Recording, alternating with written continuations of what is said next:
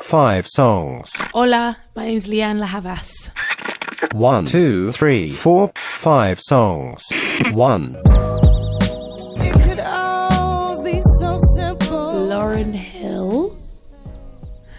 And it's going to be X Factor. two,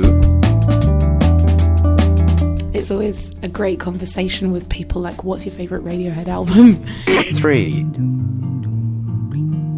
I love pretty much any song written by Antonio Carlos Jobim. four, And that one is very important because I, well, I love it. And I think, again, it's a perfect song. five, one of the most moving, amazing, like delicious pieces of music that I've heard in a very long time. five songs. Cinc songs amb Blai Mercè.